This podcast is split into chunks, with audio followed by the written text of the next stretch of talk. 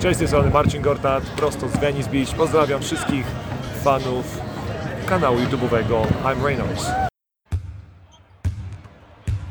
Hej, witajcie w wieczorowym timeoutie. podcaście, gdzie rozmawiamy głównie o najlepszej lidze świata NBA. Czasem jednak porozmawiamy również o tematach ogólnokoszykarskich, wirtualnej koszykówce czy lidze polskiej. Patryk, Dominik. Hubert, zapraszamy serdecznie. Hej, cześć, siemanko, witamy w wieczorowym timeoutie, naszym podcaście o koszykówce. Ja jestem Patryk, a ze mną dzisiaj jest Dominik. E, Witam wszystkich. I dzisiaj jesteśmy w sumie w dwójkę. Nie ma z nami Huberta, no ale chyba dam sobie radę, Domin, co? Tak, na pewno ludzi do dyskusji nie zabraknie. Także możemy lecieć. W ogóle musimy przeprosić wszystkich, że znowu nie ukazał się tak jak miał nasz odcinek. E, nagraliśmy odcinek, ale no niestety nie nadawał się on do odsłuchu i do opublikowania. Że woleliśmy tego nie robić. Potem nam czasu zabrakło, żeby nagrać to jeszcze raz, no i niestety wyszło jak wyszło. Nie, no tam no, czasami się zdarza, wiadomo. Technologia też zawodzi. No i, i jakoś trzeba sobie z tym poradzić. Ale okej, dzisiaj mamy kilka fajnych tematów. Jest, mamy za sobą już tak naprawdę piąty i szósty tydzień łącznie, tak? Dobrze mówię? Tak, tak. W sumie miesiąc. Powoli nam się już kla- klaruje nasz styl, że tak powiem, e, naszą, jak, nasz jakby stałe podpunkty naszego podcastu. No i dzisiaj zaczniemy inaczej niż ostatnio, bo zaczniemy newsikami. To lecimy, co Domin? Dobrze, no to ja może od razu z pierwszym. To pierwszy i chyba jeden z takich ważniejszych to to, że dobra gra Carmelo Antonego za, za, zaprocentowała tym, że dostaje teraz właśnie, dostanie gwarantowany kontrakt do końca sezonu w Portland. Myślę, że na pewno zasłużył, tak, więc No jak najbardziej. No, na pewno zasłużył na ten kontrakt. Trochę e, pogadamy, czy zasłużył na co innego, ale za sekundkę. E, no ja z newsików mam takie, może troszeczkę bardziej spoza parketu.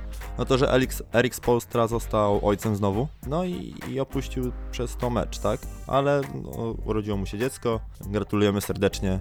Mam pewność, że to kiedyś usłyszy od nas. a chociaż wygrali ten mecz, bo nie wiem. A grali z Bostonem, tak? To nie, to nie, to przegrali. No To jeszcze jakieś newsiki może o transferach, które mogą paść, czyli DeMar DeRozan, który też może odejść z San Antonio Spurs. Prawdopodobnie na rzecz mm, Orlando Magic się mówi najgłośniej.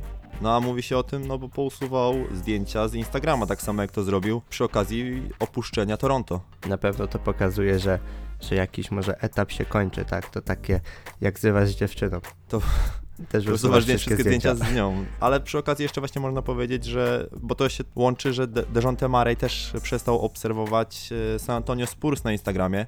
No a to już chyba troszeczkę bardziej zaskakujące, no bo jakby to, że DeMar DeRozan by opuścił San Antonio, jakby to można było sobie, nie wiem, wykalkulować, gdzieś tam przemyśleć, że tak mogło być. Ale Dejounte Murray wydawało się, że to jest e, taki pupilek trochę popa i że on tam zagości na dłużej. Może to, nie wiem, może to będzie częścią jakiegoś większego trade'u, większej wymiany, no, no nikt nie wie.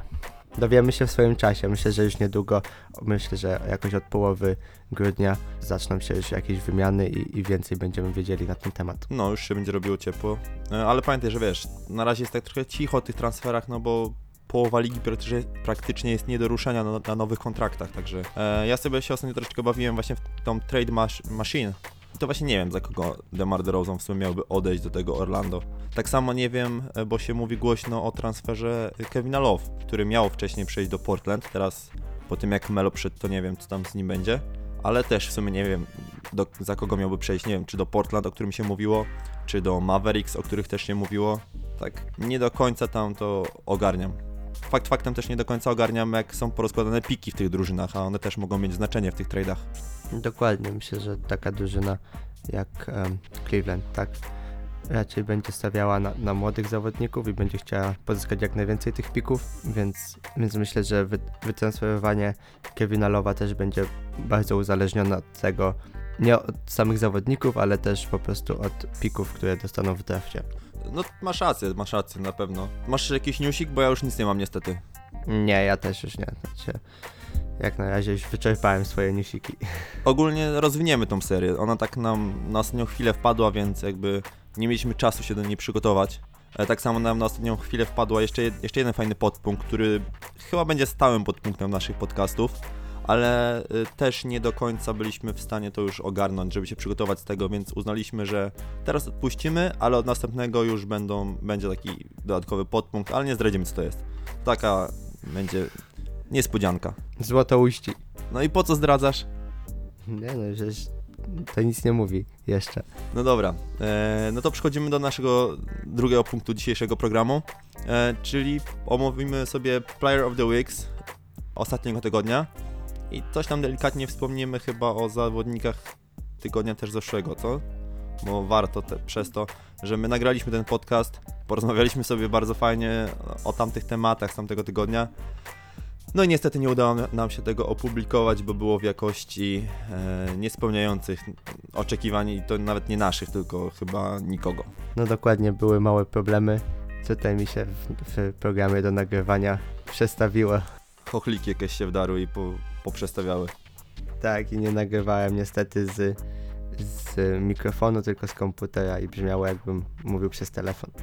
Nawet nie. Gdyby to było jak przez telefon, to jeszcze byłoby znośne. To brzmiało jakbyś się zamknął w pralce i, i nie wiem, mówił przez głośno mówiący 10 metrów dalej. No bo jakby mówiłem do mikrofonu, to myślałem, że...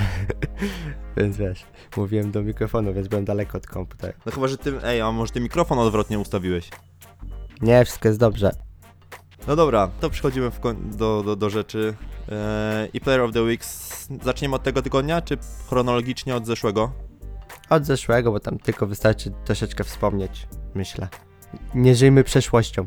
Dobra, to zacznijmy od wschodu, jako że ja to jestem bardziej wschodowy chłopak, ty jesteś bardziej zachodni, że tak powiem.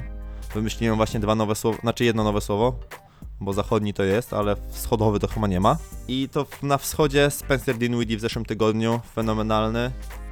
Bardzo dobre wyniki drużyny, bo Nets zaliczyło 3-1 w zeszłym tygodniu, a doliczając mecz, który był wcześniej i mecz, który był później, które się jakby nie łapały w tydzień, no to bilans 5-1. Może nie jakoś super wymagający przeciwnicy, ale Dinwiddie no, no bardzo, dobrze, bardzo dobrze siebie pokazywał, e, na, na, grając na jedynce. Chociaż, znaczy rozdawał też bardzo dużo asyst, ale imponował z, szczególnie zdobyczami punktowymi, także no on pokazywał już w zeszłym roku, że potrafił trochę pograć. Chłopak wyciągnięty z drugiej rundy draftu e, przez Detroit Pistons bodajże, którzy go potem zwolnili po jego przychodzie w G League. No, odbudował się w tym Brooklynie, odbudował i w zeszłym, w zeszłym roku pokazywał, że gra. W tym roku, no, udowodnił to. Więcej chyba nie trzeba dodawać. Nadal pokazuje Nie no. pod nieobecność Kyriego, że gra całkiem nieźle.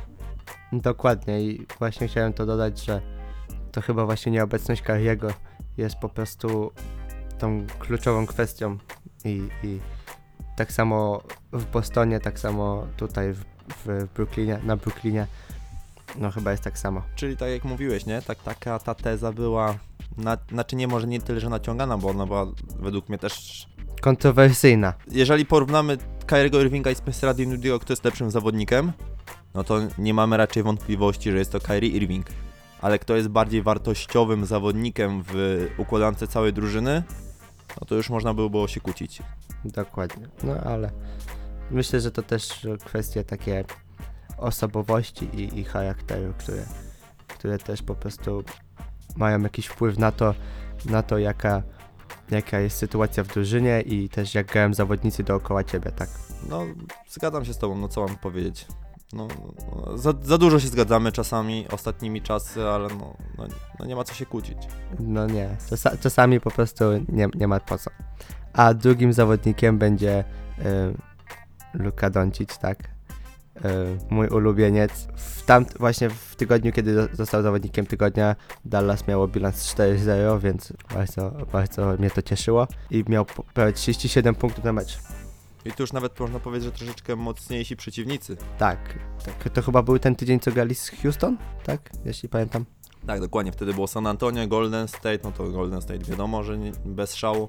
E, Cavaliers, no to wiadomo, że bez szału, ale no San Antonio czy Houston, no to już to już e, marki trochę lepsze. No, a też za dużo nie ma co wspominać, no bo też dostał zawodnika miesiąca, tak, gdzie w miesiącu listopadzie osiągał statystyki na poziomie triple-double, czyli powyżej 10 lub więcej w każdej kategorii, e, w trzech kategoriach, tak, no to w tym przypadku to były punkty, zbiórki i asysty, W punktach razy 3 można powiedzieć. w punktach razy 3 nawet, tak, więc myślę, że też bardzo zasłużona nagroda, ale no co więcej powiedzieć, Luka to Luka i i to, co się teraz dzieje, to jest chyba takie magiczne.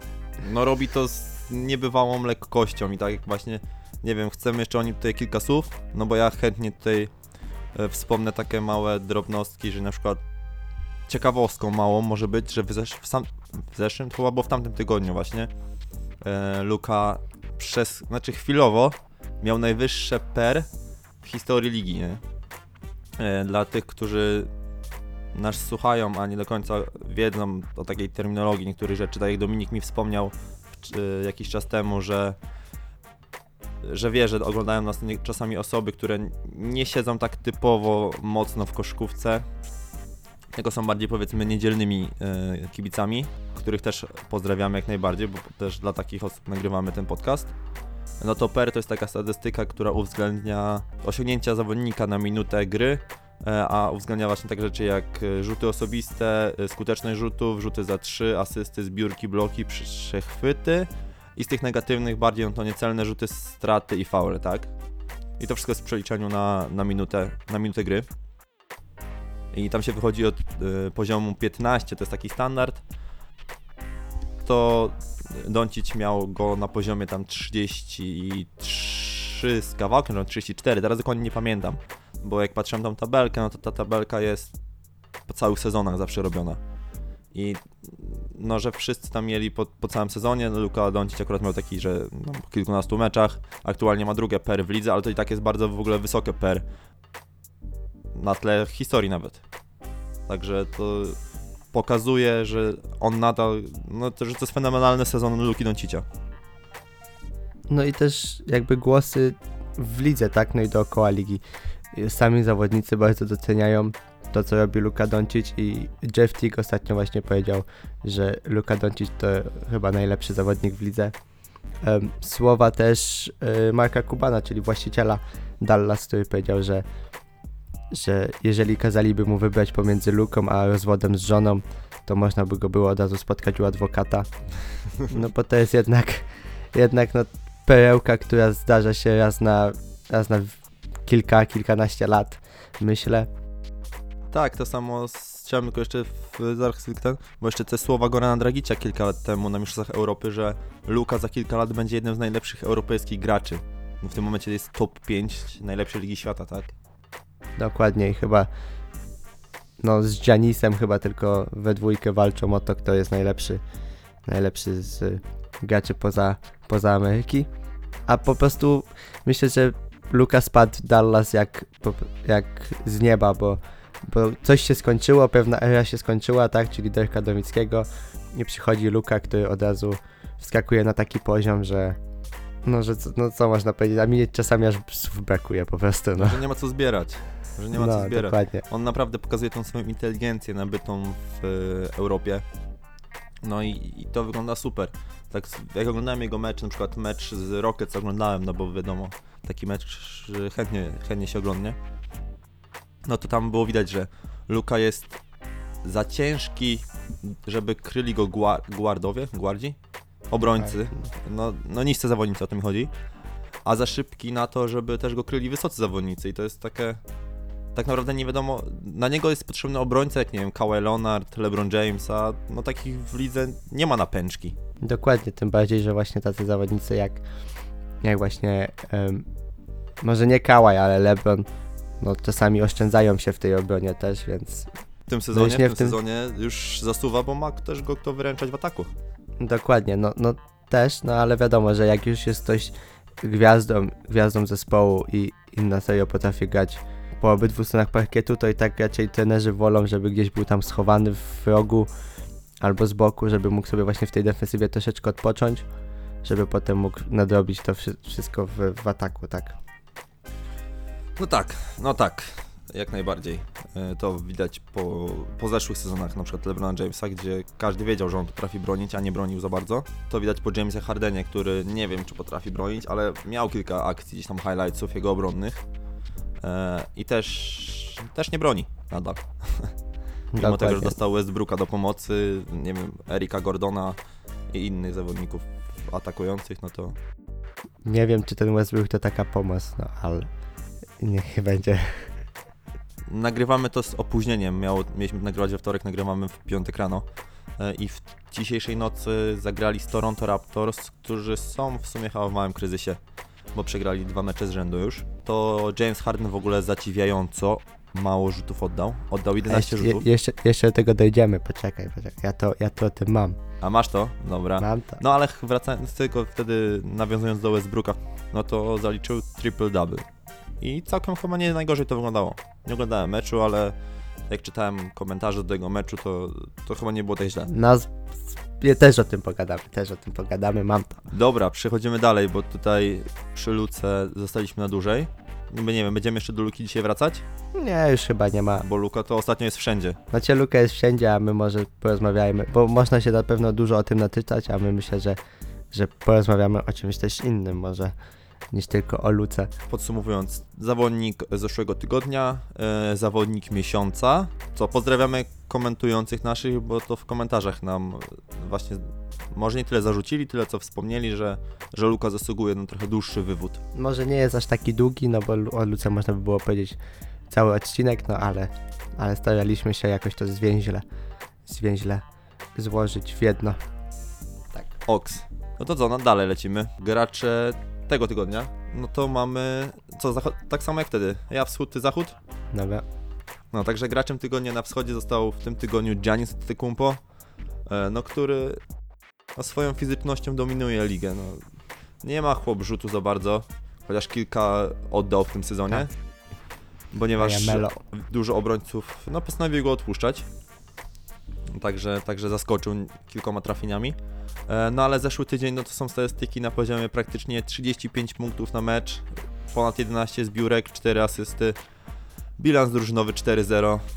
No co tu o Johnny się mówić? Zeszłoroczny MVP, dominator ligi, długi jak nie wiem, silny jak nie wiem. Jeżeli go, nie, znaczy praktycznie go nie zatrzymasz, jeżeli wchodzi na kosz, no a jeżeli postawisz tam dwie, dwóch, trzech zawodników, no to on odda na obwód. Otoczony jest w miarę strzelcami, także Także raczej, raczej wszystko się zgadza. Tak choćby, nie wiem, nawet center, nawet center przecież to nie jest przypadkowa osoba, że Brook Lopez gra w Milwaukee Bucks, tak? Dokładnie, na pewno y, otoczenie Janisa strzelcami, no to myślę, że to jest ym, najważniejsza, najważniejszy aspekt sukcesu y, zespołu z Milwaukee. Po prostu, no jak Janis, jak Janis wjeżdża na kosz, no to jest taki ścisk pod koszem, że wystarczy tylko oddać, a, a, a shooterzy dookoła już Podobna zasada co, nie wiem, z LeBronem Jamesem, z Zazionem Williamsonem, już niedługo tak coś, coś myślę. dokładnie. W ogóle sukces tego teraz NBA, no to jest, to jest przewaga wjazdów i rzutów za trzy, jeżeli wjazd nie jest udany, tak? Tak, dokładnie. Tak, tak wygląda większość teraz w ogóle koszykówki. Nie wiem, czy tu jeszcze coś wspominać. Wygrana z, w tym tygodniu z Jazz, no to drużyna w miarę, w miarę fajna, e, chociaż też w dole. Znaczy w dole, no chodzi mi o to, że takim dołku formy. E, Wygrana z Hawks, no to wiemy jak tam Hawks wyglądają, nie najlepiej. Wygrana z Cleveland i wygrana z Hornets. Giannis 50, 30, 33, 26. No i, i w ogóle nie było co zbierać po nim. Tak więc teraz oddaję Tobie głos yy, na gracza zachodu i możesz wyrazić swoją opinię, bo wiem, że pewną masz. No tak, tak. Na zachodzie oczywiście, znaczy może nie oczywiste, bo to nie jest aż tak oczywiste, ale zawodnikiem tygodnia został Carmelo Antony. Nieoczywisty wybór, bardziej też tak na zachętę, myślę i trochę marketingowo, y, żeby podbić może też troszeczkę i Melo i troszkę, żeby było głośniej w lidze i dookoła ligi, ale też na pewno bardzo pozytywny wpływ miał na, na swój zespół. Portland zaczęło wygrywać, chociaż no patrząc czysto statystycznie, no i też też pod względem wpływu na zespół, no to myślę, że tacy zawodnicy jak James Harden czy Luka Doncic zasłużyli może troszeczkę bardziej niż Carmelo na to, żeby, żeby zostać zawodnikami tygodnia. Na taką indy- indywidualną nagrodę, prawda? Dokładnie, tutaj to było tak chyba bardziej na zachętę. Znaczy to Portland teraz się tak trochę odbija od dna. Nie wiem, 3-0 wiesz w tym tygodniu, 50 w ogóle 8% skuteczności, prawie tam powyżej 57, powyżej 45 za 3. Ogólnie bardzo dobre statystyki.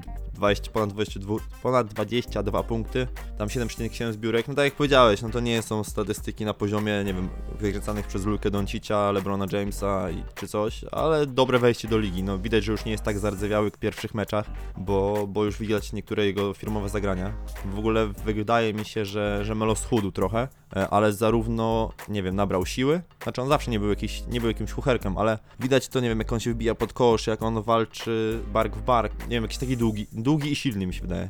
Znaczy to też em, troszeczkę pewnie kwestia przesunięcia też go na, tego, na pozycję tak silnego skrzydłowego z pozycji y, niskiego skrzydłowego, tak? Na pewno tam jest troszeczkę więcej tego kontaktu pod koszem, ale też jego gra, która po prostu bardziej opiera się na tej grze rzu- na rzutach z półdystansu, tak? Tych fadeawayach. Na pewno też bardzo bardziej go predysponuje do tego, żeby, żeby grał na właśnie na, na silnym skrzydle. W formie ciekawostki takiej jeszcze przy Melo można wspomnieć, że jego mecz bodajże z Bulls, jego zdobycz punktowa, pozwoliła mu się przysunąć w tabeli e, strzelców ligi All Time na 18 pozycję, wyprzedzając Alexa Englisha, tak? Dobrze pamiętam? Tak, tak. Także, no, także, także tak było, okej.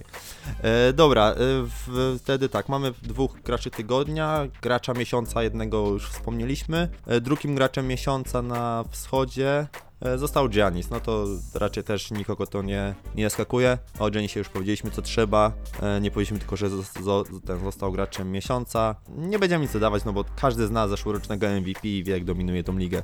Za to warto wspomnieć e, o, to został trenerem, e, trenerem, trenerami w sumie miesiąca, bo tu też jest podział na wschód i zachód. I jakby patrząc na drużyny, na grę drużyn w tych miesiącach, to też jakby wiel, wielkiego zaskoczenia nie ma. Co o tym, co, co o tym sądzisz? Dokładnie, no to są obydwie drużyny, które się wyróżniają w lidze i, i to wynikami i, i swoim pomysłem na grę i, tym jak korzystają z tego co mają. Raczej bardziej chodzi mi o tym, pod tym względem o Toronto Raptors, tak, i, i Nika Nurse'a, który jednak, jednak umiejętnie korzysta z tego co ma i fakt, że już brakuje tam Kawaja i nie ma tego All-Stara, który weźmie piłkę pod pachę i zrobi to co trzeba, to i tak myślę, że, że właśnie Nick Nurse to bardzo ładnie poukładał. Tak, bardzo, bardzo fajnie też to wygląda. E, Super bronią gwiazdy, tak jak mówiłeś, nadal to trwa. Chociaż e, nie udało mi się w pewnym meczu z pewną rozgrzaną do czerwoności drużyną ze, ze, ze słonecznego Miami. E, no ale ogólnie super, obr- super obrona. Kawhi odszedł i zostało trochę rzutów e, do oddania, ale no Fred Van Vliet, Pascal Siakam wzięli na swoje barki tam, nie wiem, te 20, 22, 18 rzutów, e, które zawsze oddawał Kawhi Leonard i wychodzi to w miarę dobrze. Van Flet. Tak uważałem, żeby, ale powiem ci, że już miałem taką naleciałość, tak wiesz, chciałem powiedzieć, nie tak. Yy, na, na pewno trząs zespołu, tak, i wschodzące gwiazdy tego, tej drużyny, myślę, że robią fantastyczną robotę, a jak wiemy też Toronto jest świetnie broniącą, broniącym zespołem, a jakby każdy wie, że chyba obrona napędza atak, więc Dokładnie, dokładnie tak jak mówisz. E, No jako, że ty przeszedłeś tym razem na wschód pierwszy, no to ja przejdę na zachód. No ogólnie, jak mówiłem na początku, bez zaskoczeń. Frank Vogel, trener e, Los Angeles Lakers. Nie wiem jak to powiedzieć, nie zaskakuje. Każdy wiedział, że będzie dobrze. Może nie wiedział, że aż będzie tak dobrze na samym początku, bo w tym momencie bilans 19-3 bodajże. W tym przegrana z Mavericks. Jedna czy dwie nawet? Z Mavericks, jedna, jedna przegrana z Mavericks, a w ten pierwszy mecz wygrali. A, no, ale tam też w sumie po kontrowersji, żeby nie było. Tak, tak. E, No, super gra e, Los Angeles Lakers, y, powrót Showtime, LeBron James, Anthony Davis, y, Danny Green, oczywiście Alex Caruso, czy Raczej. KPC, który nie trafia layupów czasami, no ale zdarza się nawet w NBA. No dokładnie, a tym, z tym Alexem Caruso to myślę, że to więcej szumu niż to jest w ogóle warte.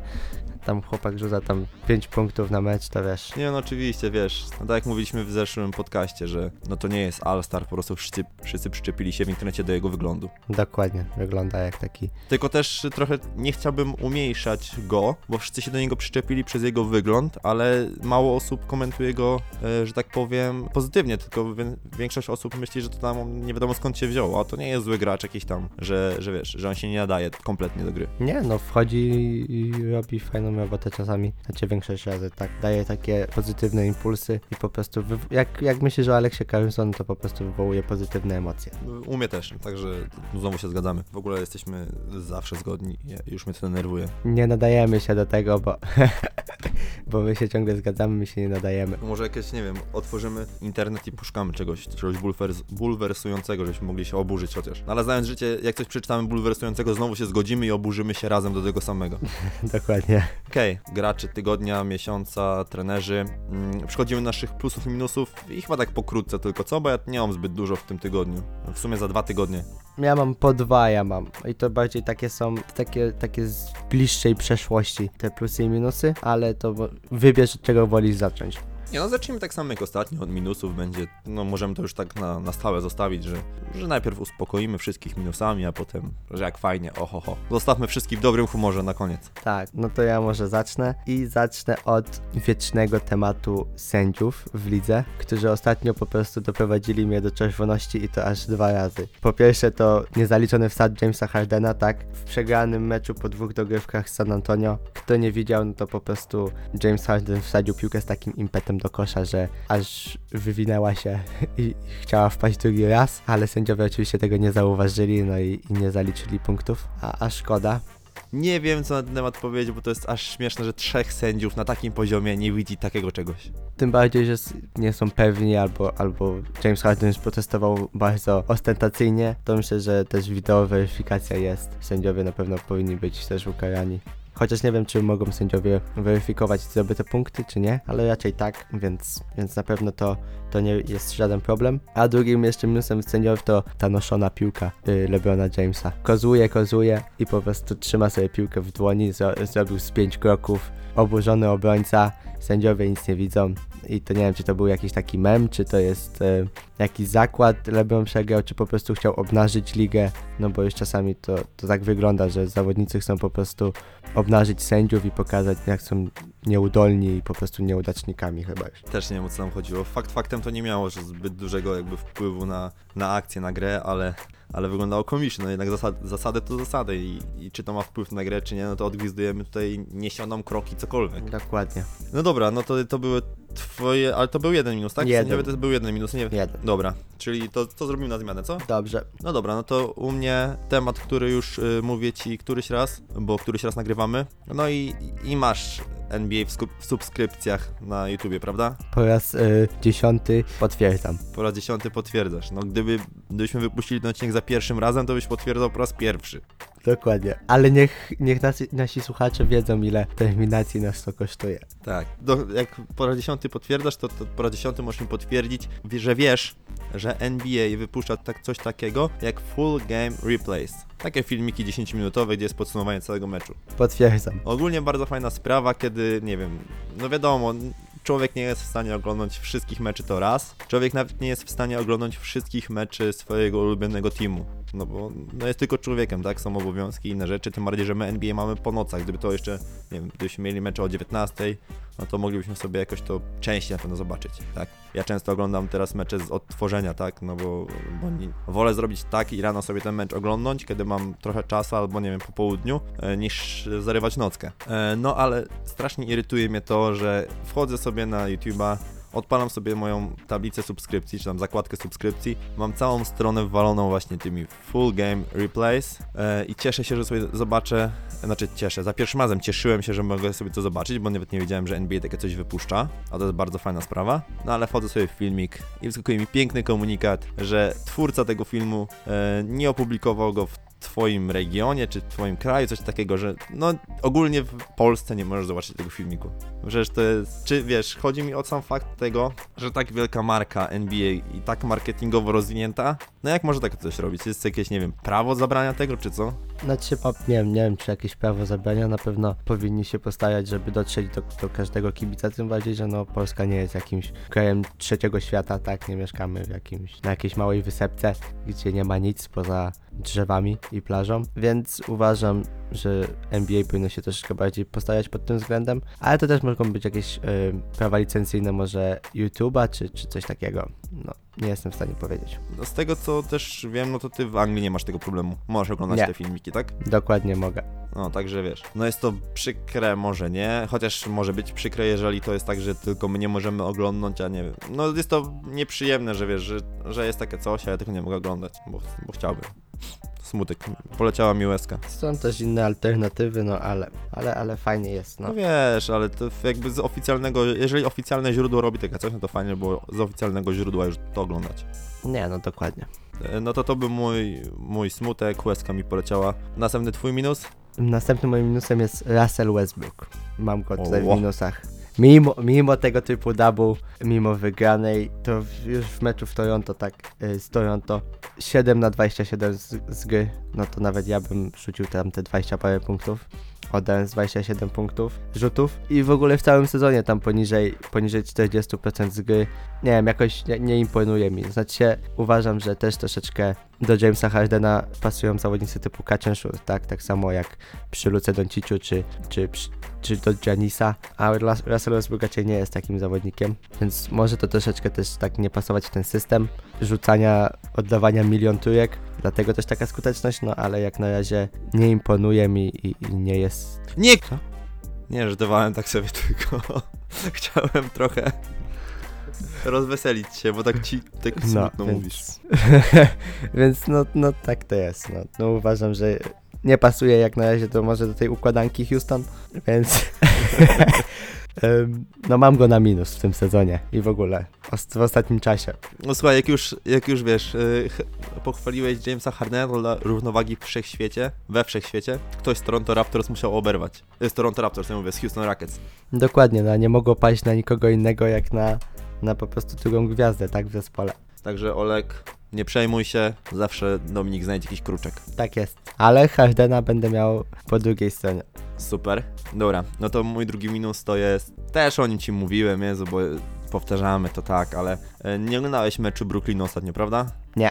To ja oglądałem, bo był o bardzo ludzkiej porze. W ogóle o dziwnej porze, bo na- on chyba zaczął się, Jakoś o 18, a nie pamiętam teraz, czy 19, czy 17, ale wydaje mi się, że 17 w ogóle, na, na czas oczywiście polski, tak? e, nie, to chyba 19, bo u mnie chyba o 18 było czy coś takiego. No to możliwe, że o 19. No ale to w ogóle to bardzo fajna pora dla, dla nas, żebyśmy sobie oglądali. No i sobie odpaliłem na telefonie, bo akurat byłem na wyjeździe. Nie miałem dostępu do większego ekranu, ale mi to w ogóle czasami nie przeszkadza, wiesz. W tych czasach i w tej dobie elektroniki, no to większość rzeczy oglądamy teraz na telefonie, tak? Ale oglądając ten mecz miałem problem. Bo kurde, Brooklyn Nets postanowiło, że zrobią sobie szary parkiet i tak się wszystko zlewało. No tak się ciężko oglądało ten mecz, w ogóle byłem taki nieprzyzwyczajony i tak, wiesz co, to się oglądało jak średnio zrobiony parkiet w NBA 2K u kogoś na hali. Naprawdę, po prostu było to mega dziwne dla mnie i takie nieprzyjemne dla oczu. Na pewno zlewa się to troszeczkę na ekranie i ciężko jest oglądać taki mecz na takim parkiecie. Tym bardziej jak oglądasz na telefonie, no to na pewno troszeczkę ten ekran jest mniejszy, więc ciężej jest, ciężej jest oglądać. No ale myślę, że na pewno zależy bardzo klubom na tym, żeby, żeby parkiet wyglądał fantastycznie na żywo i na pewno tak jest. Znaczy nie jestem przekonany, bo nie byłem, ale na pewno na pewno się starają tak, że żeby wyglądał bardzo fajnie na żywo i był, był miły dla oka, dla kibiców, którzy są na hali. Być może, ale ja zostaję tego zdania, że ogólnie po, lepiej jakby było, że parkiet jest koloru, że tak powiem, drewnianego. Jasny, ciemno to już, to już mniejsze o to, ale na przykład już mi się bardziej podoba parkiet w Charlotte, gdzie jest w kształtach plastrów miodu, tak? Tam mnie jakoś tak nie raziło jak na szary tutaj.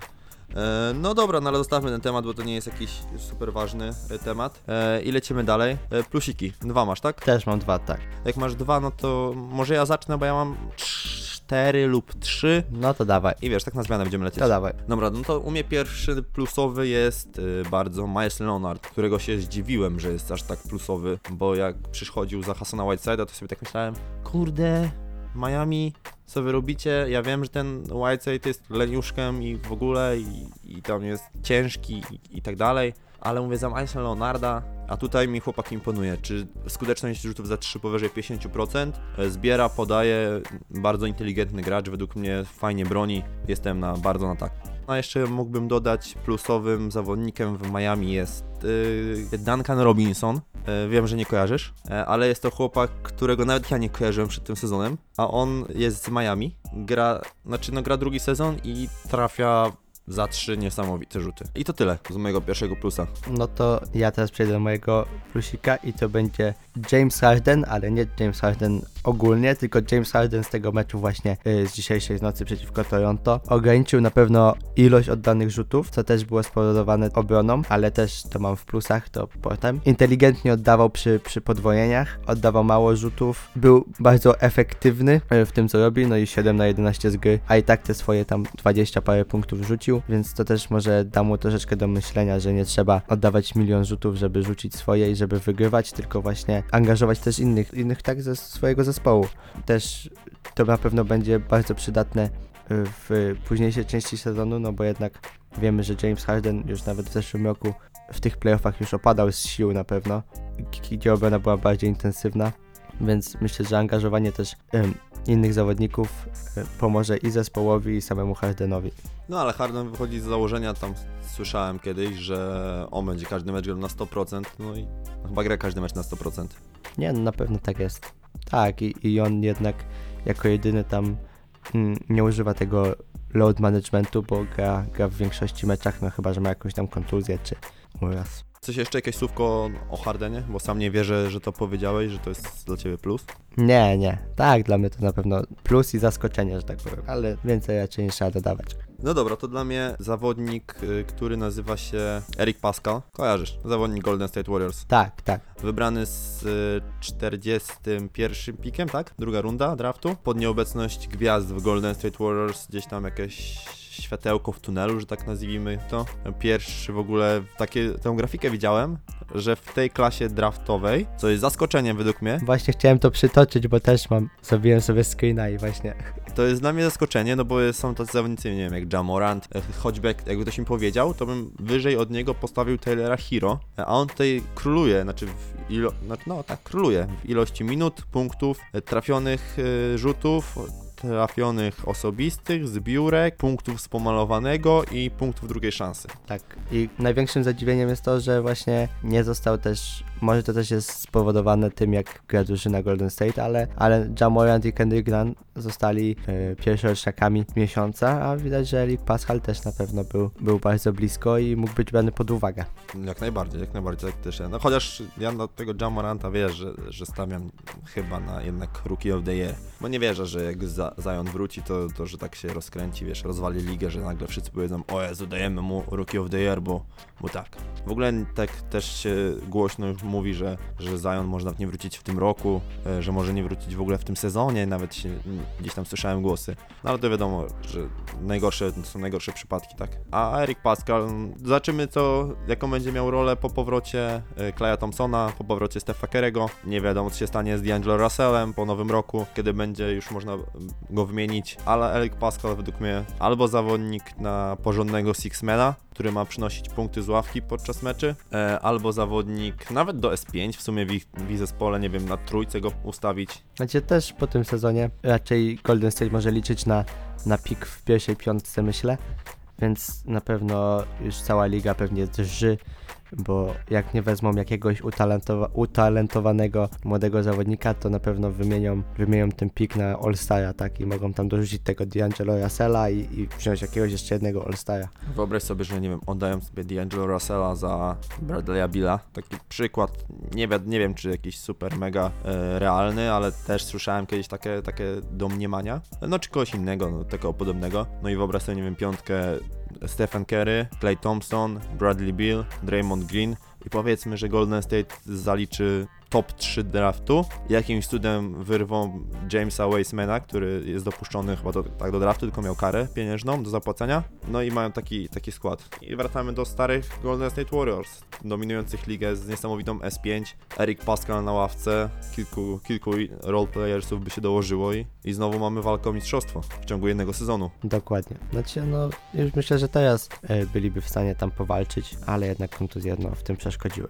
Okej, następny plus to teraz twoja kolej. No to ja mam Toronto Raptors i ich obronę, która mnie bardzo ciekawi, ponieważ używają takich jak na NBA troszeczkę nieszablonowych, nieszablonowych ustawień, gdzie w już po przejściu nawet w tym meczu z Houston, już po przejściu przez po, linię połowy James Harden był podwajany. Na pewno musieli się wtedy dużo nabiegać, bo ruch piłką i ten ball i to właśnie ten ball movement Houston był, był fantastyczny, ale myślę, że takie nieszablonowe zagrania też właśnie zmusiły Hardena do tego, że rzucił tylko 11 punktów. Znaczy, że oddał tylko 11 rzutów. Też mam ich w plusikach, y, też za tą obronę. Dlatego mówiłem, że nie wiem, czy do końca mam 4 czy 3 plusy, bo wiedziałem, że poruszysz ten temat, ale chciałbym plusowo teraz zaznaczyć też Miami Heat, którzy grali przeciwko Toronto e, kilka dni temu. I naprawdę, jeżeli ktoś naprawdę nie oglądał meczu Miami, to polecam. I nawet ten mecz pokazał, jak, jak to fajnie wygląda. E, Jimmy Butler przeciwko tak wspaniałej obronie właśnie Toronto Raptors, gdzie oni potrafią zatrzymać e, te wszystkie gwiazdy na całkiem bardzo, na całkiem bardzo dobrym poziomie. Ale polska polszczyzna u mnie jest genialna. Na przyzwoitym. Na przyzwoitym. Tak, na przy... no, ale no chodzi o to, e, że Jimmy Butler zaliczył przeciwko nim triple-double. Tak, to też jest imponujący wyczyn przeciwko obronie z Toronto Raptors. I bardzo podoba mi się, jak Miami broni. Bam Adebayo, który jest w stanie bronić Pascala Siakama. W ogóle taka ta rozbieżność, że Bam Adebayo gra centra i on broni Pascala Siakama, ustoi mu na nogach, wybroni go tyłem do kosza, co mi się bardzo podoba. A za chwilę, nie wiem, wchodzi Justice Winslow i Justice Winslow, który gra na rozgrywającym, broni też Pascala Siakama. W ogóle tak mi się podoba ta wymienność pozycji w Miami. I w ogóle ich gra w obronie, zasuwają fajnie, szybkie przejęcia w obronie, dochodzą z ręką wszędzie.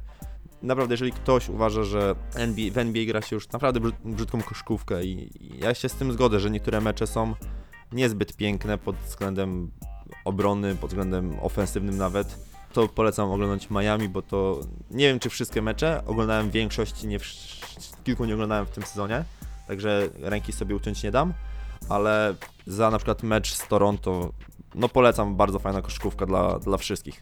Nie wiem, to masz jeszcze jakieś, e, jakieś plusiki, czy jakieś coś jeszcze do dodania, bo ja akurat wszystko o to chciałem powiedzieć. Wiesz co, mam jeszcze plusik przy mm, Jasonie Tatumie, ale to bardziej pozaboiskowy, bo pewnie słyszałeś, że chłopak nie wydał jeszcze e, ani grosza z tej swojej, znaczy z pieniędzy ze swojego kontraktu z y, Boston Celtics. A tak, tak, no to na pewno bardzo mądre posunięcie. Słyszałem i uważam, że nie idzie w stronę wielu, wielu zawodników w NBA, bo jak wiemy, to tam statystyki yy, mówią, że tam ponad 50% zawodników bankrutuje na koniec swojej, tam już po, jak już skończą karierę, więc myślę, że, że bardzo, bardzo mądrze ze strony Jasona Tatuma. W gwoli jasności, wyjaśnienia tego wszystkiego, e, no to Jason Tatum wszystkie swoje, wszystkie swoje pieniądze, całe swoje pieniądze e, z kontraktów wpłaca na konto oszczędnościowe, a żyje jakby, bo on też nie żyje jak biedak, tak, no, to nie jest tak, że on wszystko oszczędza i, i w ogóle nic nie wydaje, po prostu on zarabia też spore pieniądze z usług, e, z usług, z formy spozaboiskowej. Usług, tak, towarzyskich. Tak, z usług towarzyskich, z usług reklamowych chciałem powiedzieć, wiesz, ale uznałem, że jednak chyba to nie do końca pasuje. No ale ogólnie wiesz, chodzi o, o te o umowy sponsorskie, gdzie on zarabia też niemałe pieniądze i wiesz, on, to nie jest tak, że on jak biedak, że on jeździ nowym Range Roverem, e, mamie kupił tam też samochód, e, lubi wydawać na ciuchy, sam o tym mówi, e, ale jednak woli się zabezpieczyć na przyszłość i według mnie to jest super i, i za taką mądrość no plus się należy. Tak, dokładnie, nie tylko mądrość boiskowa, ale i pozaboiskowa. Dobra, no to kończymy plusy i minusy i przechodzimy dalej. E, numerem 3 dopiero, Jezu, a my mamy już naprawdę sporo na liczniku. Trochę przyspieszymy, ale też trochę Domin. Następnym punktem, takim już stałym punktem naszego programu, który z Dominikiem, Jezu, wymyśliliśmy, jesteśmy jak Einstein. Tak. No ale fajne, wydaje mi się, że spoko. E, w zeszłym tygodniu to, ta, ta, ta, ta, ten zaszczyt, Znaczy, w zeszłym podcaście może, bo w zeszłym tygodniu to na pewno ja. No, no to w zeszłym podcaście ten zaszczyt przypadł Dionowi Waitersowi, a w tym tygodniu tak zwanym memem tygodnia, czy tam mem of the week, czy tam no wymyśliliśmy na razie podpunkt, nie, wymyśli, nie wymyśliliśmy jeszcze nazwy dokładnej. Jak są jacyś sponsorzy y, i chcą mieć swój tutaj, swój mały y, sektor taki, swoją małą część w naszym podcaście, no to, to, to mogą się dołączyć i to będzie na przykład y, Orlen Mem Tygodnia. O je, I, i ale że aż Orlen? No nie wiem, no to tak co wydaje, bo mi pierwsze wpadło do głowy. E, dobra, Exito Węgiel mem tygodnia. O, Spice of Life Mem Tygodnia, to muszę zagadać w pracy. No ja też muszę z cztery. Czy to już rzucą groszem na podcast? Nie, ale tak nie wiem.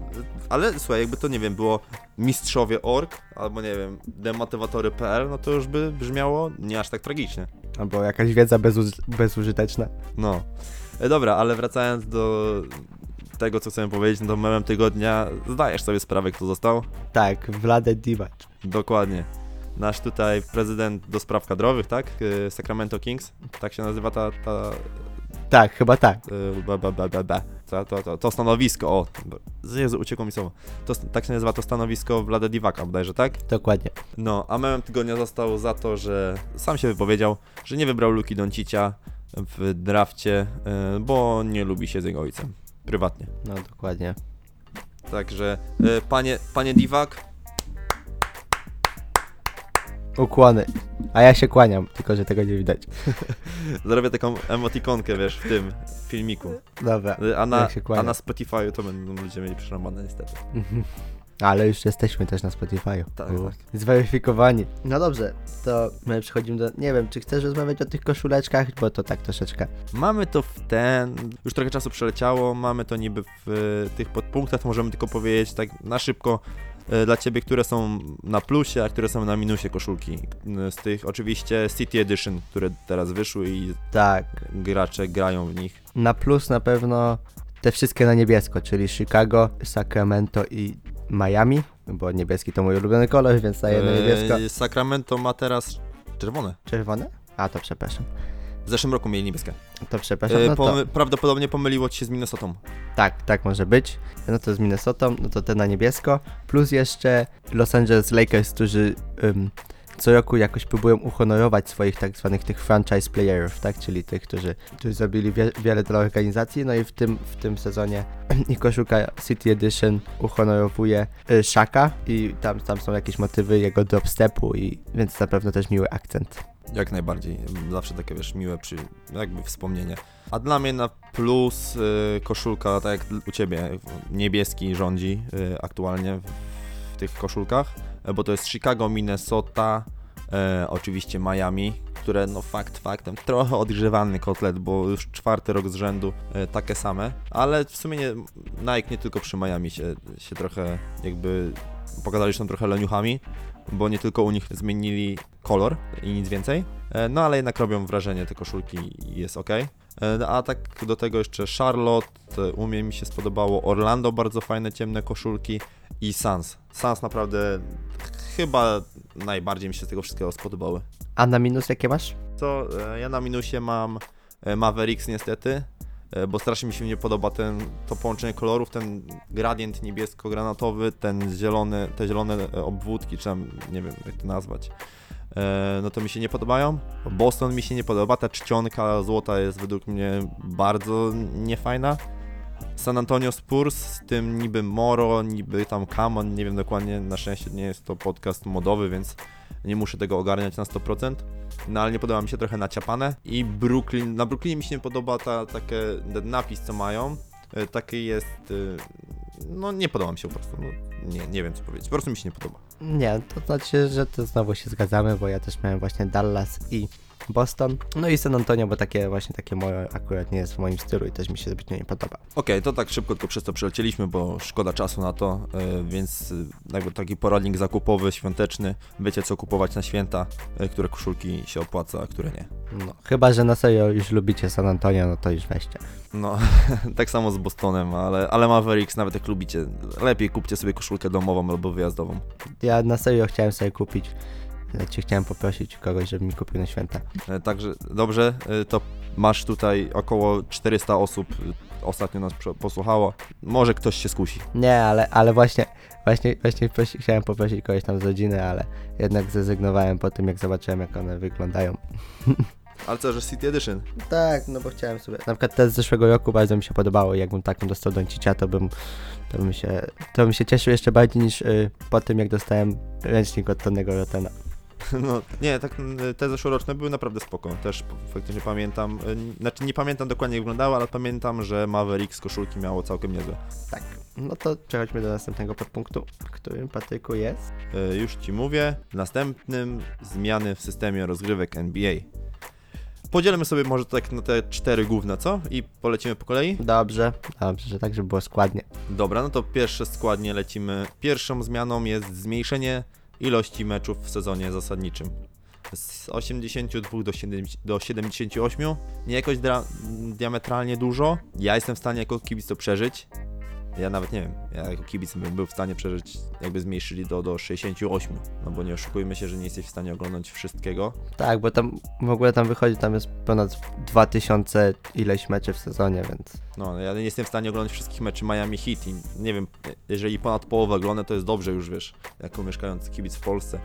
E, Ja rozumiem też, wiesz, jakby z drugiej strony to jest marketing dla, dla klubów i tak dalej, każdy, każdy mecz to jest wydarzenie, każdy mecz są sprzedane bilety, sprzedane przekąski i tak dalej, więc trochę inaczej to wygląda ze strony e, finansowej NBA i i tych wszystkich yy, właścicieli, organizatorów. No ale jako kibic jestem w stanie przeboleć tę tą mniejszą ilość meczy. Tym bardziej, że to wyjdzie na lepsze dla zawodników, którzy będą mieli troszeczkę więcej odpoczynku, mieli load managementu i tak dalej, tak dalej. No kibic powiedzmy zagraniczny, nie miejscowy albo po- spoza miejscowy drużyny będzie raczej na tak. Ale nawet y, w Stanach na pewno to się odbije pozytywnie, ponieważ już teraz widzimy, że większość meczy tak naprawdę jest o nic, o pietruszkę, że tak powiem. I, I też stacje telewizyjne, tak? Na przykład ESPN, ostatnio tam gdzieś widziałem w internecie, że ESPN chyba ma tam spadek oglądalności o 23%, a TNT chyba o 20% spadek oglądalności. No to nie jest mało. Plus niektóre drużyny na, nawet nie zasługują na to, żeby być no aż, aż tak pokazywane. Na przykład w tym sezonie już widzimy, że ESPN zmniejszyło ilość meczy pokazanych, ilość meczy w telewizji Golden State Warriors, no bo jednak nie da się ich oglądać. No, no mi, poza tym, że tam Eric Pascal ładnie gra, no to wiadomo, y, ludzie chcą oglądać gwiazdy, a, a nie zawsze gwiazdy grają, inaczej widać. Ale chciałbym jeszcze tylko zaznaczyć jedną taką rzecz, że to też ta, ta oglądalność strasznie wpłynęła przeprowadzka LeBrona Jamesa. I tu już nie chodzi już o siłę konferencji i tak dalej, tylko bardziej o godzinę rozgrywania meczów. Wiesz, to jest tak, że pomiędzy Nowym Jorkiem a Los Angeles masz dość sporą różnicę, tam już masz chyba 3 godziny różnicy, to jest większa różnica niż pomiędzy Polską a Londynem, tak? Jak my tutaj zaraz e, się komunikujemy między sobą. Tak, no my mamy tylko godzinę, więc. Jeżeli, jak ja byłem na przykład w Los Angeles i chciałem oglądać sobie mecz, który zaczynał się na wschodzie, no to wiesz, ja musiałem ten mecz oglądać o 16 chyba, coś takiego, no to wiesz, to ciężko się ogląda, ale wyobraź sobie jeszcze odwrotnie, jeżeli ktoś z Nowego Jorku chce sobie zobaczyć mecz LeBrona Jamesa, który, nie wiem, powiedzmy zaczyna się o, o 20, no to dla nich to już jest 23. no dokładnie na pewno też, też już może nie aż tak późno jak u nas w Polsce, no ale nadal jak rano idziesz do pracy, no to już wolisz się chyba wyspać. Dokładnie. Znaczy, te, też tak myślę, no to jest, to jest jakby... No ale ogólnie podsumowując, ja jestem na tak za zmniejszeniem tych ilości rozgrywek, chociaż nie do końca tak wychodzi, że będzie ich mniej. A ty? Em, nie, ja też się zgadzam. Zgadzam się, zgadzam się zdecydowanie i, i zmniejszenie ilości meczy na pewno wpłynie pozytywnie. No dobra. Drugą zasadą, którą NBA planuje wprowadzić, to jest turniej taki w trakcie sezonu o dodatkowe trofeum. Ogólnie teraz wyszły nowe, kilka nowych informacji i podobno NBA chce zrobić dość zachęcające nagrody, żeby zmotywować zawodników do grania. No bo jakby pierwsze komentarze na temat tego turnieju nie były zbyt, zbyt przychylne dla, dla, dla ligi, tak? Dla, za ten pomysł. E, I to miałby być turniej rozgrywany gdzieś tam w okolicach Święta Dziękczynienia. Miałoby w nim brać udział 8 bodajże najlepszych zespołów aktualnie w lidze od początku sezonu i mieliby grać na zasadzie pucharowej. Też na pewno się zgadzam. Myślę, że to dobry pomysł. Nawet taki turniej do, do ogrania młodszych zawodników albo tych, którzy, nie grają aż tak dużo, który też, to tak jak u nas w piłce nożnej, wiesz, jak masz jakiś puchar, no to nie wychodzi ci podstawowy bramkarz, tylko wychodzi ten rezerwowy. I myślę, że to też jest dobre. Na pewno przygotuje chłopaków na, może, może też przygotuje chłopaków na, na późniejszą część sezonu. Pozwoli im się też troszeczkę wdrożyć w to NBA, jak jesteś em, jakimś drugorundowym pikiem, czy, czy coś w tym stylu. Więc na pewno, na pewno pozytywne. Myślę, że wtedy gwiazdy też mogłyby odpoczywać. Ale wiesz, od, od tego mamy ligę letnią, tak naprawdę. No ale liga letnia to nie to samo co, co NBA, tak? Wiesz, bo nie wiem, czy słyszałaś, jakie mają być tutaj nagrody, bo ogólnie się mówi, znaczy na początku mówiło się o nagrodach pieniężnych, no ale sami nie oszukujmy się, że nie wiadomo, czy takiego, nie wiem, LeBrona Jamesa, Antonego Davisa, no raczej pieniądze już nie zmotywują, tak? Ile oni mieliby dostać? Musieli, nie wiem, dostać z 20 milionów, czy tam 10 przynajmniej, żeby chciało im się w ogóle coś robić. Ale nie wiem, czy słyszały, że ma być, że jest taki plan, albo taka propozycja, albo nie wiem, fake news też może być, ale wydaje mi się, że to nie jest fake news, e, że nagrodą może być pierwszorundowy pik. A to już na pewno dla, dla drużyn jest, jest bardzo atrakcyjne, można go zawsze wytransferować, albo też no w pierwszej rundzie, nawet w tych dalszych pikach, tak często znajdują się takie perełki, które potem rosną na, na, na gwiazdę ligi. No, tak jak mówisz, tak jak mówisz, nieraz się ktoś trafił z, z tym dalszym pikiem, więc to już może zachęcić niektórych do grania. Aczkolwiek, no to nie wiem, James Harden skomentował to po prostu, wiesz, ta jego memowa mina, kojarzysz tą, tą minę, gdzie taki jest gif, nie? Co robi tak, e. No i skomentował to takim, takimi słowami, że a co my jesteśmy dalej w koledżu, że jakieś turnieje będziemy się bawić? No to samo jego kolega z drużyny PJ Tucker powiedział, że w NBA za, zawsze grało się o mistrzostwo i, i zawodnicy NBA raczej nie będą grali o nic więcej. Na pewno em, NBA tym się właśnie wyróżnia, wyróżniało na tle em, innych lig, tych europejskich najbardziej, no bo zawsze tam tutaj w Europie, tak u nas, w każdej lidze jest zawsze puchar, puchar Polski, puchar Hiszpanii, puchar Grecji, o który też drużyny walczą, więc to troszeczkę odróżniało NBA od, od Europy i na pewno to było takie unikalne, no ale jeżeli miałby być taki turniej, no to też na pewno nie byłbym zły. No to jakby podsumowując drugą część tego, tej zmiany, to tak, ty jesteś na tak. No tak, myślę, że tak. Myślę, że jest więcej pozytywów niż, niż negatywów. Ja powiem, że jeżeli taki turniej by był, to po prostu ja bym oglądał, więc no powiedzmy, że jestem na tak. Jakby wiesz, powiedziałem kilka rzeczy, które teraz mogą. Ktoś może być zaskoczony, że mówię, że jestem tak, ale mówiłem to trochę specjalnie, żeby wiesz, żeby w jakąś dyskusję bardziej tutaj wzmożyć, ale jakby był ten turniej, to bym oglądał. E, Następny podpunkt. Dobra, ten następny podpunkt to jest prawdo, prawdopodobne rozstawienie e, w playoffach. I chodzi tu o to, że jeżeli, jeżeli yy, wiesz, wchodzi do playoffów po 8 drużyn, znaczy bo na początku też mówiło, mówiło się o tym, żeby weszło 16 najlepszych drużyn e, ligi do playoffów, no ale wiemy, że raczej jest to niemożliwe z tego powodu, że e, raczej za, znaczy właściciele klubów się nie, nie zgodzą, bar, tym bardziej z, e, ze wschodu, gdzie wiemy, że niektóre drużyny mogły ze wschodu by nie wejść do playoffów kosztem tych z zachodu, więc raczej to by nie przeszło. E, zaraz idziemy do tego trochę dalej, bo dalej też jest podobny jakby wariant e, opcji. E, zaraz wytłumaczę o co mi chodzi. No ale miałby to wyglądać tak, że prawdopodobnie, że byłoby po 8 najlepszych drużyn ze wschodu, 8 najlepszych z zachodu i jeżeli tam by, wiesz, byłoby tak jak teraz jest i wiesz, miałoby to iść normalnie, tak jak idzie teraz pucharowo, a dochodząc do półfinałów konferencji już, miałoby to być tak, że byłoby rozstawiane, że pierwsza drużyna gra z czwartą ogólnie, patrząc na całym NBA, a druga gra z trzecią. E, Żeby zapobiec takiemu czemuś, e, że na przykład, nie wiem, w półfinale NBA, e, znaczy półfinał NBA, czyli tak zwany finał konferencji aktualnie, jest bardziej fascynujący, jest mocniej obstawiony niż finał czasami. Wiesz, na przykład w zeszłym roku była taka sytuacja, że Golden State Warriors grało z Houston i wszyscy mówili, że to jest bardziej interesujące niż finał. No, na pewno tak. Co się potem okazało, że wcale nie było prawdą, no bo wygrało w końcu Toronto Raptors, prawda? Tak, ale jakby to daje większą możliwość dwóm najlepszym drużynom w lidze spotkania się już w tym wielkim finale. Też myślę, że y, te drużyny z zachodu y, są jakby też czasami na tej przegranej pozycji, no bo na wschodzie dałyby sobie radę wejść do playoffów, a na zachodzie są jednak gdzieś tam na tym 9, 10, 11 miejscu. Więc myślę, że może to nie byłoby jakieś pokrzywdzenie tych niektórych drużyn, no ale na pewno wyrównanie jakby tych szans, tak? Bo, bo to nie jest ich wina, że jedna konferencja jest silniejsza niż druga. No właśnie, masz rację, jednak wiesz, ja uważam ogólnie, że ze strony sportowej jak najbardziej tak, no bo to jest jakby mm, bardziej ujednolici, bardziej wyrówna szansa dla wszystkich, ale z drugiej strony wiesz, o, e, liga potrzebuje zgodę wszystkich zawod... znaczy wszystkich właścicieli klubów, no a raczej właściciele klubów się z zachodu mogą nie zgodzić, no bo jakby w tym momencie mają gwarantowane to, że mają przynajmniej jedno miejsce w finale, a to jest jednak wydarzenie wielkie, tak? Wyobraź sobie, wiesz, że to jest są prawa telewizyjne, to są no, organizacja całe, całego meczu. Tam bilety są kosmicznie drogie.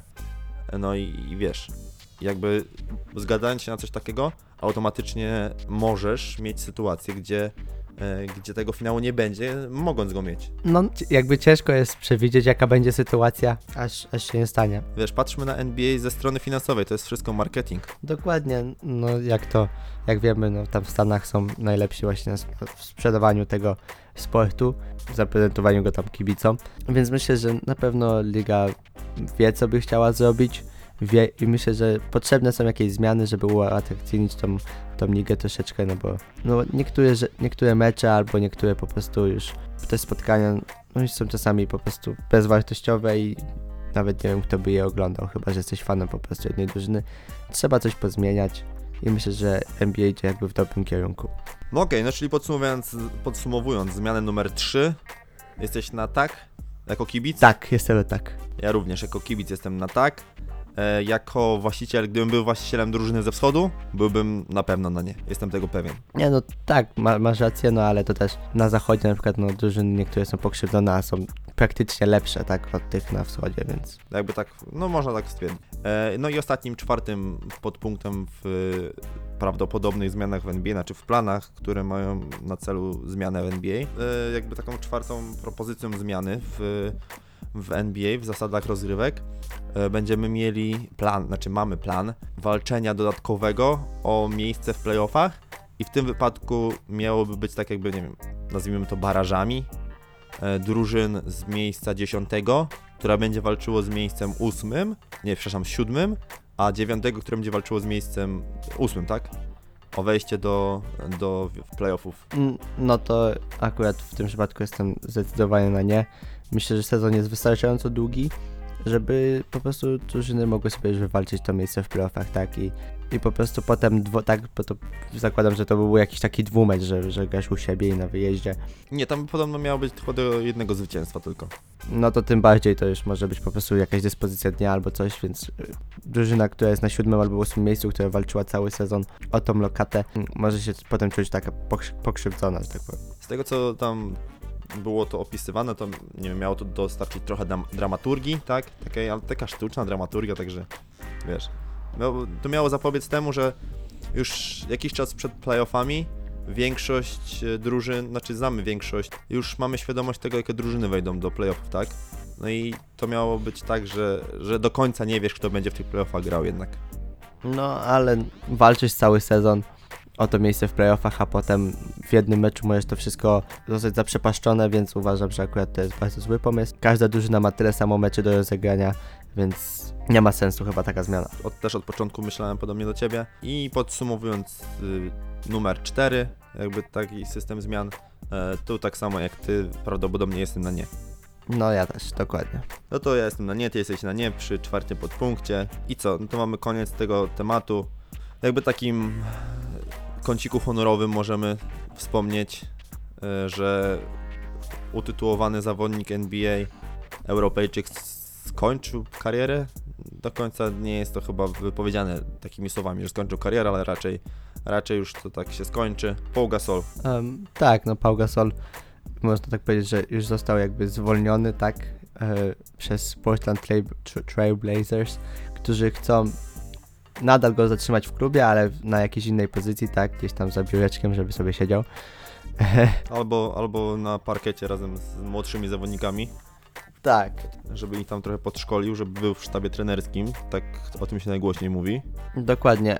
A, a na pewno tak utytułowany zawodnik, tak, no, dwukrotny mistrz NBA, y, wiele występów w meczu gwiazd, teraz akurat w tym, teraz akurat nie przytoczę ile, ale tak, no, e, sześć, sześć razy w meczu gwiazd. E, Rookie of the Year 2002, dwa razy mistrz olimpijski, mistrz świata, e, MVP w ogóle tego turnieju Mistrzostw Świata w Japonii, trzy razy mistrz Europy, z tego też był królem strzelców, no i jeden raz rozwalenie Polaków. no, w pojedynkę, więc na pewno zawodnik, który zasługuje na, na takie, nawet można powiedzieć, że troszkę specjalne traktowanie, tak, no nie można kogoś takiego po prostu zwolnić i, i, i powiedzieć, dobra, to na razie. E, Myślę, że zasługuje na, na takie troszeczkę specjalne traktowanie, troszkę większe przywileje. Bardzo zasłużony zawodnik w lidze, e, jedna z legend, można też powiedzieć. Troszeczkę smutek, ale, ale nadal bym go może widział jeszcze tak na jeden sezon, jakby wrócił gdzieś tam do Barcelony, może tam skąd wypłynął na te szerokie wody, to myślę, że nadal w Europie by był, byłby fantastycznym zawodnikiem, myślę. Być może, być może i też, no jeszcze w Europie, w Bar- takiej Barcelonie bym go widział, bo według mnie już, szczerze mówiąc, NBA za długo już y, myślał chyba o tym graniu. Według mnie, wiesz, nie lubię takich karier kończonych na siłę, dociąganych, nie wiem, Janę Ochonena w skokach narciarskich, czy nie wiem, powrotu Michaela Jordana do, do Wizards, gdzie takie, wiesz, takie trochę dobicie i, i trochę zamazanie swojej gwiazdy wielkiej. Dla mnie powinno się odchodzić wtedy, kiedy, kiedy trzeba, nie? Tak, no myślę, że już mógł odejść też troszeczkę wcześniej, no ale jednak Już mógł sobie odpuścić, nie wiem, to Portland i, i, i mógł sobie odpuścić e, to Bucks i nie wiem, po San Antonio zakończyć. Tak, albo po prostu przejdziesz do Europy, no, Dokładnie. jeszcze tam pograć. No. Żeby jeszcze trochę poświecić gwiazdom w Europie, jego technika, jego, jego ogranie, jego doświadczenie na pewno by, by procentowało dużo bardziej niż w NBA, gdzie gra się mocno fizycznie nadal. Dokładnie, no i też po prostu tam wrócić do tego klubu, który no, wypromował cię, gdzie, gdzie tak naprawdę wypłynął na, na szerokie wody, tak. No tak, jak najbardziej. Nie wiem, ostatni temat chcemy wspomnieć o, o bardzo kontrowersyjnych słowach e, trenera właśnie Barcelony, wspomniane, wspomnianego klubu. Można tym y, pokrótce troszeczkę coś powiedzieć, co o tym myślimy, więc y, dla tych, co nie wiedzą, to ten Pe- Pecic powiedział, że y, w NBA to już tak naprawdę nie jest y, koszykówka i nie wie jak może to nazwać, ponieważ tam wyniki 150 do 140 to już prawie że codzienność. I wspomniał też, że tak naprawdę prawdziwa koszykówka jest w Europie, gdzie, gdzie masz wszystko, masz wsady, taktykę, kąty, obronę, no wszystko czego, czego tak naprawdę pragnie, te, wszystko z czego jest koszykówka po prostu złożona i jedyną różnicą jest taką, że w Stanach po prostu potrafią to zapakować, tak jak już wcześniej mówiłem, zapakować w ładne pudełeczko i, i, dać, i dać kibicowi, a w Europie jeszcze nie są aż na tak zaawansowanym poziomie z tym, chociaż już te mecze Euroligi myślę, że powoli, powoli, może za kilka lat będą, będą na tym samym to, albo podobnym poziomie co w NBA. No to ja ze swojej strony dam tutaj do tego, e, że specjalnie oglądałem sobie meczyk e, Euroligi. Nie jestem jakimś wielkim fanem, inaczej, nie, może nie tyle, że jestem fanem, no nie, no dobra, możemy tak nazwać, że nie jestem jakimś wielkim fanem europejskiej koszkówki, ale nie dlatego, że sama koszkówka, tylko po prostu, wiesz, tak no może dobrze to jest ubrane w słowa, że to takie opakowanie i to NBA mnie zachwyciło, tak, i, i się tego trzymam. Wiesz, nie starczy mi czasu na, na wszystko tak naprawdę, tym bardziej, że jeszcze gdzieś tam staram się y, pooglądać troszeczkę piłkę nożną i tak dalej, i tak dalej. Nie wiem, z dwa lata temu trochę się zainteresowałem też Premier League i, i ogólnie piłką nożną. Taka odskocznia czasami się przydaje, wiesz, nie można zamknąć się na jedną rzecz. Mm, ale wracając do tego, co chciałem powiedzieć, to oglądałem sobie ten, taki ten meczyk i oglądałem sobie, wybrałem sobie takie drużyny całkiem, wydaje mi się, no wydaje mi się, no wiem, że dobre, tak, bo to jest Real Madryt i CSKA Moskwa, dwie z, dwa z większych klubów y, europejskich i mam kilka takich odczuć, że tak powiem. To pierwsze odczucie to jest takie, że ogólnie jakość transmisji, wiesz, tego opakowania naokoło tych, tych przedmeczowych i tak dalej jest na według mnie już wyższym poziomie niż NBA, bo super to wyglądało, albo, albo może to też wynikać z tego, że do NBA jakby tego wszystkiego się przyzwyczaiłem, bo jednak jest to e, dosyć powtarzalne, prezentacje to dalej. Co dalej? E, Dalej uważam, no jednak uważam, że ta koszkówka w NBA, jeżeli chodzi o ogólny poziom, jest na wyższym poziomie, no bo jeżeli Ja nie wiem, gdzie ludzie nie widzą tam taktyki w NBA i gdzie nie widzą obrony. Yy, oczywiście nie mówimy o wyjątkach, nie wiem jak yy, obrona Chicago Bulls, ale ja tu mówię, nie wiem, głównie mam na myśli, mówiąc o wszystko, yy, choćby Miami Heat, tak? Których mam najbliżej siebie i najbliżej na to, jakby wiesz, tego najbliżej. No to nie uważam, żeby w Europie była jakakolwiek drużyna, która mogłaby się w tym momencie postawić Miami Heat i, nie wiem, walczyć jak równy z równym. Nie wiem, to ja, ja akurat myślę, że niektóre drużyny, mamy dużo, du, sporo zawodników w Europie jest, które mają bardzo klasowych zawodników, ale n- bardziej chodzi może o, o względy obronne, obronno-taktyczne w takim względzie, że jest ta obrona na przykład na całym boisku, jest, nacisk, jest obrona jakaś strefowa i, i to w NBA tego nie ma, no. Jest tam w NBA raczej wszystko bazuje na tym, na grze jeden na jednego, na switchach, robieniu, tworzeniu przewag, a, a, w, a w NBA, no, a w Europie, no to jakoś taki przesuwanie się w obronie jest troszeczkę inne. Myślę, że, że też, no, no ciężko to opisać jakby w tych kilku słowach, ale, ale uważam, że, że różnice są spore, myślę. Ym, po prostu w taktyce w obronie niż w samej już jakby obronie takiej jeden na jeden czy coś, no bo to wiadomo, wszędzie jest tak samo, ale, ale jakaś taktyka obronna myślę, że jest na troszeczkę bardziej zaawansowanym poziomie w Europie.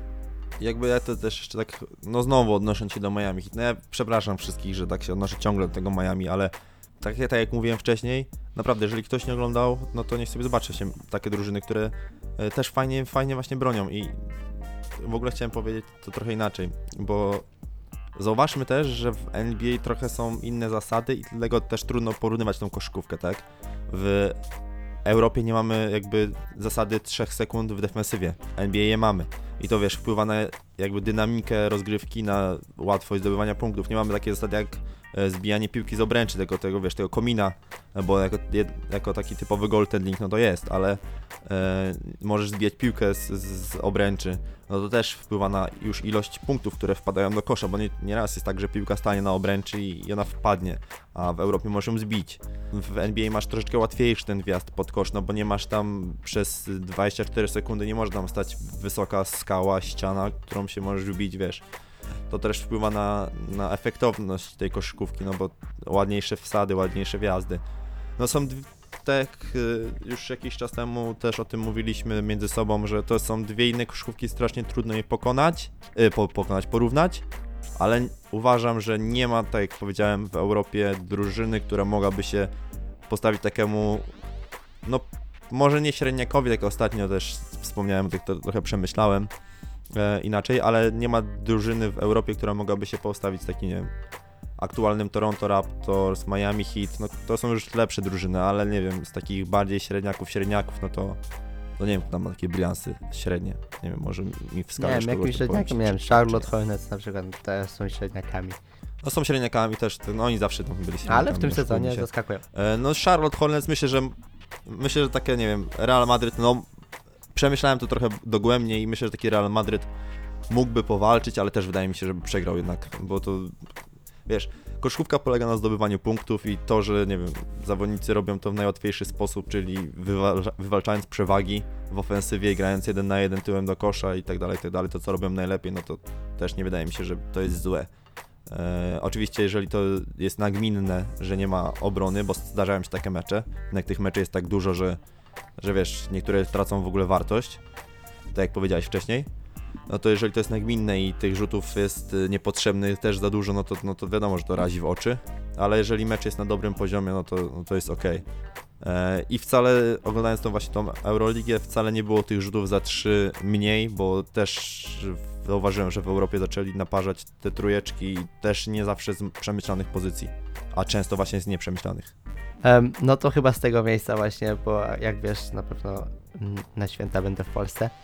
I właśnie z tego miejsca cię chyba chciałem właśnie zaprosić może do mnie tam do Wrocławka na mecz. Może wpadniesz, zobaczysz. Zobaczysz Tonego.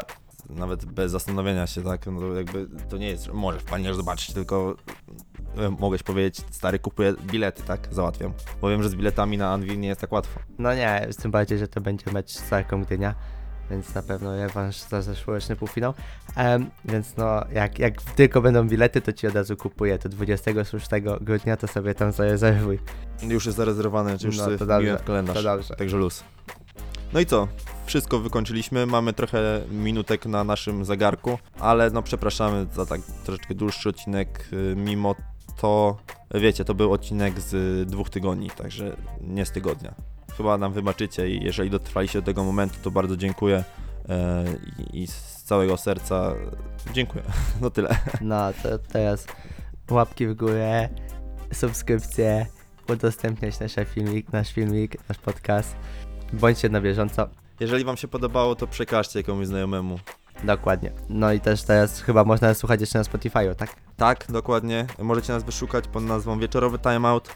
E, Nie wiem, czy wszystko już jest tak, jak miało być, bo kilka błędów na początku też się wdarło. Na przykład w nazwie e, zamiast O było, była piłka, którą na początku faktycznie przez przypadek wrzuciłem, ale potem od razu zmieniłem.